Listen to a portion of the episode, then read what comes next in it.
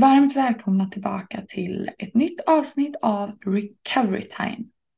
Denna veckan så sitter jag återigen här själv eh, men har inte en gäst denna gång utan jag ska faktiskt prata helt själv.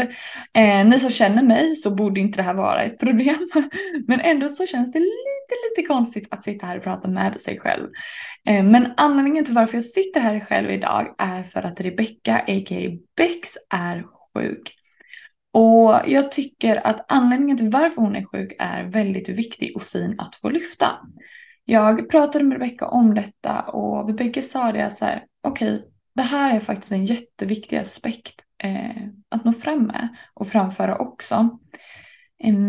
För ni som har lyssnat på tidigare avsnitt eller följt eh, mig och Bex på andra kanaler vet säkert att Rebecca är i en pågående recovery.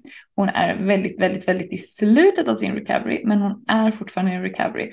Och gällande återfall så har vi också haft ett avsnitt hur vi ser på återfall. Så har du inte lyssnat på det, gör det innan du lyssnar vidare på det här. Summan av kardemumma. Jag har pratat med Rebecka under lång tid om att jag tycker att hon behöver sakta ner. Hon behöver göra mindre, sova mer.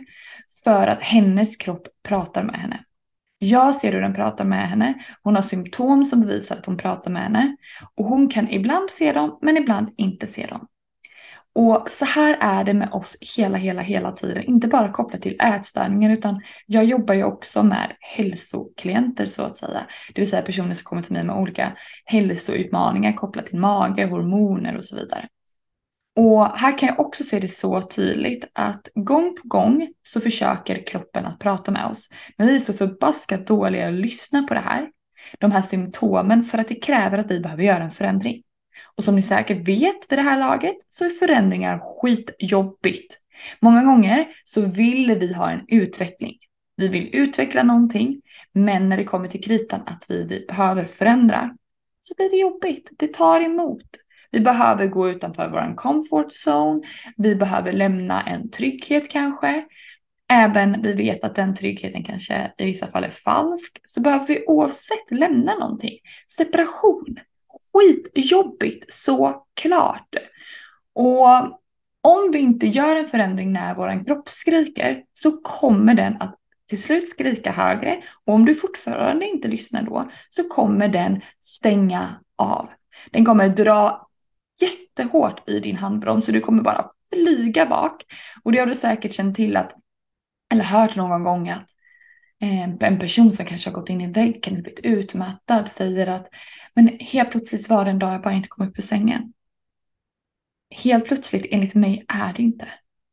Kroppen har högst troligt skrikit och skrikit och skrikit och skrikit och skrikit jättelänge, men du har inte lyssnat. Så till slut drar den i nödbromsen och det är då du eller vi upplever att jag kommer inte upp ur sängen.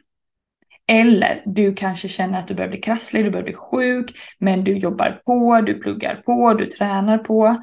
Och sen så kanske du åker på semester och så pang säger det. Och så blir du jättesjuk. Och så undrar man sig, nej vad typiskt, varför kom allt det här nu? Inte alls konstigt. Du har tryckt undan allt. Och anledningen till att vi trycker undan, det är ju givetvis av olika orsaker. Och där behöver vi gå mer till dig individ. Eh, mer personliga plan av vad det är man tycker är obekvämt att bemöta eller vilken press man har på sig själv av olika anledningar, om det är jobb, skola, eh, träning, vad den kan vara. Så behöver vi gå till de orsakerna. Men i Becks fall, och givetvis vill jag också belysa, så har jag ju, eh, får jag ju prata om det här såklart, det är ju till och med hon som redigerar de här avsnitten. Så att du kan ju klippa bort vad du vill, hur du vill. Um, men att, att det är så tydligt att Rebeckas kropp har pratat och pratat med henne i form av sömn, alltså att hon har känt sig jätteutmattad, energibrist.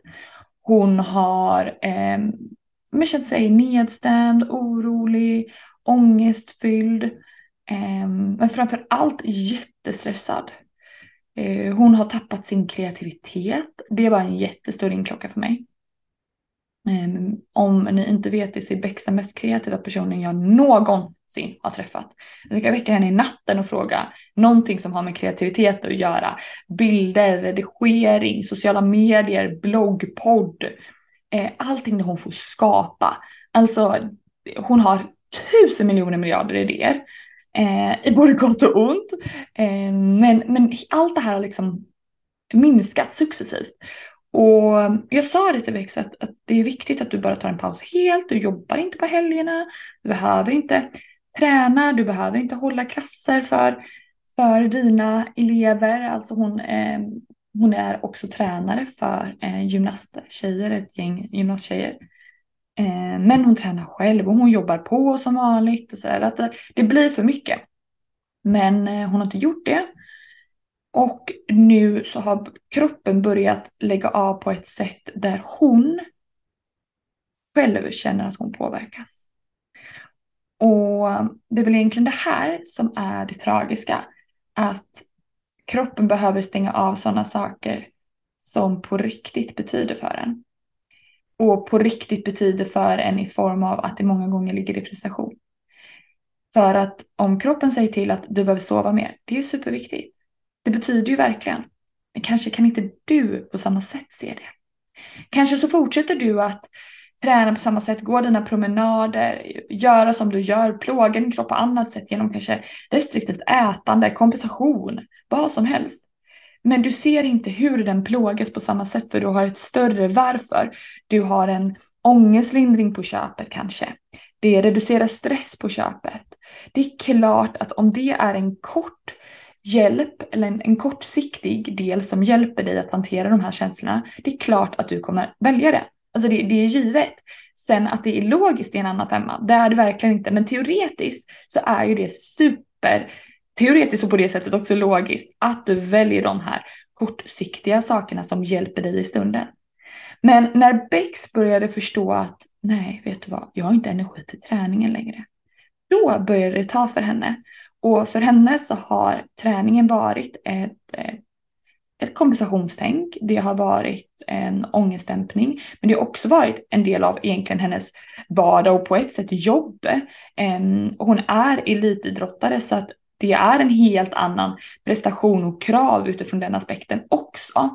Eh, så det är inte bara att, att eh, liksom inte träna heller utan då kommer det massa andra effekter av den anledningen också med vad det gäller då tävlingar och så vidare och så vidare. Men när hon har känt nu att jag har ingen energi till det här så började hon förstå att jag behöver göra en förändring. Och eh, ni som vet, eh, eller ni som har följt mig kanske tidigare gällande hälsoutmaningen vet att jag jobbar med ett verktyg som heter ansikts och tungdiagnostik. Så att jag bad eh, Rebecka skicka in bilder och jag gjorde en analys på henne. Och Hela hennes lever är superbelastad, hela hennes mage-tarm är superbelastad. Jättetydligt att hon har ett stök och bök eh, som enkelt uttryckt inne i kroppen Eh, som högst troligt är SIBO. Eh, och SIBO är en svampöverväxt i våran, eller en bakterie eh, i tunntarmen som eh, ger symptom på en rad olika saker i kroppen. Det kan ge energibrist, det kan ge järnbrist, det kan ge eh, sömn, eh, ja, sömnbrister, eh, energidippar, ångest, oro. Det kan ge smärta i kroppen, förstoppning, diarré, gaser, bubblor. Många gånger har det en stark koppling till IBS-liknande symptom också, vilket Rebecca verkligen, verkligen har haft. Hon gjorde dessutom eh, blodtester på Wear Labs som visade att hon nästan till inte har något järn i kroppen. Och då är det inte heller konstigt att man känner den här tröttheten. Och eftersom hon haft järnbrist så har hon också haft svajig menstruationer. Hon har haft igång en regelbunden mens tidigare men som nu har, hade helt uteblivit och blivit oregelbunden. Vilket i sig också tyder på, på stress många gånger. Att man antingen energibrist eller stress som är de två främsta anledningarna till varför vi har utebliven eller oregelbunden menstruation helt enkelt. Så att många bäckar små ledde ju till att hon faktiskt så här, Emma, vad är det som händer i min kropp? Men framför allt när det påverkade träningen och hennes prestation. Så när hon ringde och sa det här till mig så hade jag ett långt samtal med henne i form av prestationen. att så fort det drabbar prestation, det är då hon får ett wake-up call. Att allting måste handla om prestation. Och jag vet att det är så många som tänker likadant och jag har själv varit där. Och jag ska inte säga att jag inte alltid, aldrig är där idag heller, utan prestation är, är för många en, en stor del. Och mm, för mig är det fortfarande en del i att känslan av att vilja prestera. Eh, för annars så hade vi lyssnat på våra kroppar hela tiden. Om jag känner mig trött så hade jag legat kvar. Om jag inte behövde gå upp och jobba jag behövde prestera. Ehm, men det är så viktigt att vara medveten om det och ha ett hälsosamt förhållningssätt till det. Och våga ifrågasätta varför blev det så viktigt för mig att ta tag i min hälsa när det gick ut över träningen?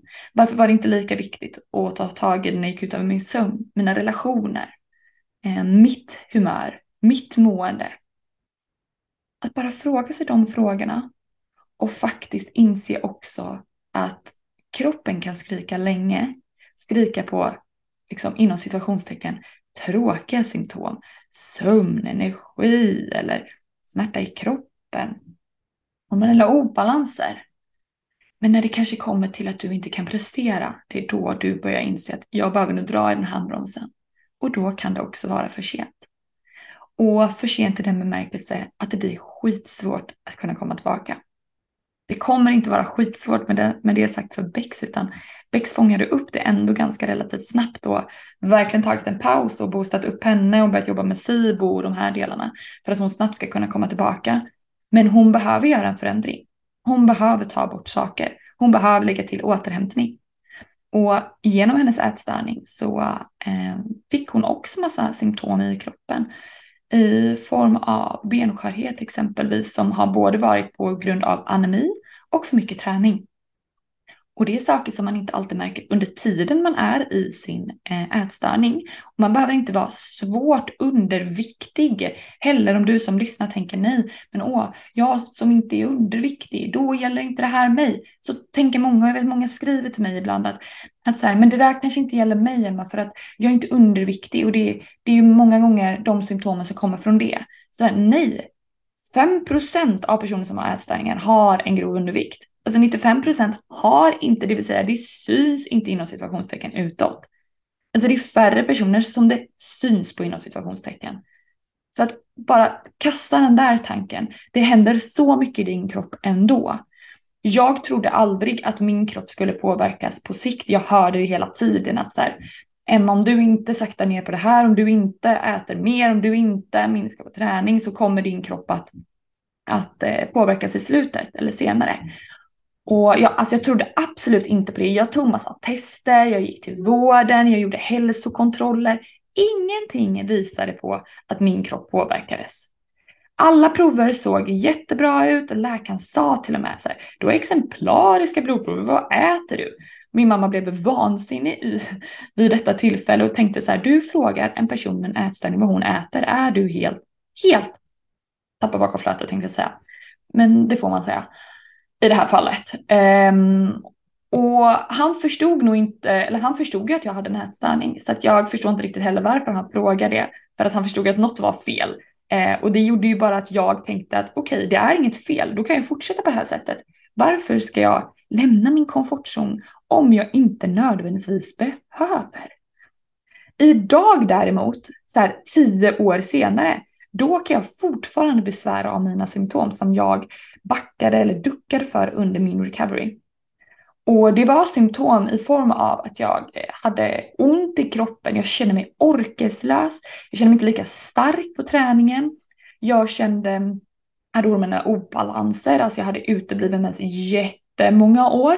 Det tog alltså lång tid innan min mens kickade igång. Um, alltså jättemånga år efter även jag blev frisk så att säga. Så att, och det var ju också för att min kropp inte kände sig trygg. Och jag kände så här, vad är det jag gör fel? Alltså jag gör allt rätt inom situationstecken. Jag tränade inte ens. Jag åt superregelbundet. Jag åt eh, superbra och mycket mat. Eh, tryggade kroppen genom meditation, lugna promenader. Men ändå så kände sig min kropp inte trygg. Varför? För min hjärna hade inte förstått att den var trygg. För min hjärna har ju under så många år varit i fight or flight mode. Den har ju varit ute på savannen och krigat rent ut sagt. Och gjort allt för att bara trygga, trygga, trygga min kropp fastän att den är ute i kriget. Så den har inte förstått att okej okay, Emma, du är i trygghet, du kan ägglossa, du behöver inte ha ångest, du behöver inte ha oro, du är trygg, du kan få igång din mens och så vidare och så vidare. Och det ledde ju också till eh, benskörhet bland annat också. Eh, jag har låga nivåer som indikerar på benskörheten. Och jag är helt övertygad om att det handlar om att jag belastade min kropp fast att jag inte åt tillräckligt. Fast att jag, eh, även jag började träna när jag hade ett eh, BMI eller vikt som visade att jag kunde träna så var inte min kropp redo den var verkligen inte redo för att börja belasta sig på det sättet. Ehm, och det visade sig i slutändan. Det visade sig bara för några år sedan började det i form av att jag fått ryggskador som aldrig läker, knäskador som aldrig läker, blåmärken jättelätt som jag inte ens fick då i min recovery eller när jag var sjuk i min ätstörning. För kroppen stänger ju av så mycket då också så alla de här sakerna kan bara försvinna. Så att om du sitter där och tänker att nej men min kropp funkar ju, den har inte indikerat på någon energibrist. Jag har eh, bra energi, jag har ingen oro på det sättet, jag sover bra. Så utan att göra någon skrämselpropaganda så vill jag ändå bara lyfta att du vet faktiskt inte vad som händer på sikt. Ehm, och din kropp pratar med dig hela tiden. Jag lovar dig det. Ehm, börja lyssna. Om du känner att du är mer hungrig, ät mer. Om du känner att du inte har någon energi, Boka av, gör ingenting. Ligg och pillar i naveln i soffan. Om det känns obekvämt, fråga dig själv varför. Varför tar det emot att göra de här sakerna? Och återigen, som jag sagt så många gånger, det du känner som mest motstånd till är ofta det du behöver som mest. Som det känns jätteläskigt att minska träning. Om det känns jätteläskigt att ligga raklång på soffan. Om det känns jätteläskigt att äta mer för att hjärnan skriker det. Testa. Testa och se vad som händer. Testa och se vad som händer med dig.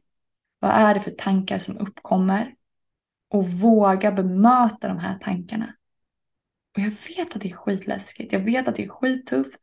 Men någon gång, kanske imorgon, kanske om en vecka, tre månader, tre år, vad vet jag? Men någon gång så kommer din kropp att säga nej, tack, stopp, det räcker. Och då kanske du är på en plats där du känner att varför gjorde jag inte det här tidigare? Nu av alla gånger. Då kanske du är stabil i huvudet, känner dig stark där, men kroppen säger nej. Och då behöver du lyssna på det och känner varför gjorde jag inte det här tidigare? Det är inte för sent att börja lyssna på kroppen. Och det är det viktigaste och kanske den mest viktigaste delen i livet överlag att lära sig att lyssna på kroppen. Så med det sagt vill jag verkligen lyfta vikten av det. Att lyssna, våga se till alla delar som kroppen talar med dig om. Alla symptom, alla känslor. Kroppen talar hela, hela tiden. Ni är ett team och det är viktigt att ni spelar i samma team. Nästa vecka så är jag högst troligt själv också och då tänkte jag dela min resa lite med er. Jag vet att många som lyssnar känner mig sedan tidigare eller har följt mig på eller kanske har gått till coachning hos mig. Men jag vet också att det är många nya lyssnare och jag tänkte att jag skulle dela min resa och varför jag ens har en podd i det här, varför jag jobbar med det här idag, varför jag har en kurs om det här, varför är det så viktigt för mig? Så jag hoppas återigen att det här avsnittet kanske väckte någonting hos dig eh, genom delningen från Rebeckas historia och delningen från mina erfarenheter. Om inte annat så fortsätt lyssna på din kropp eh, och våga lyssna på din kropp och så hörs och ses vi i nästa avsnitt. Puss och kram!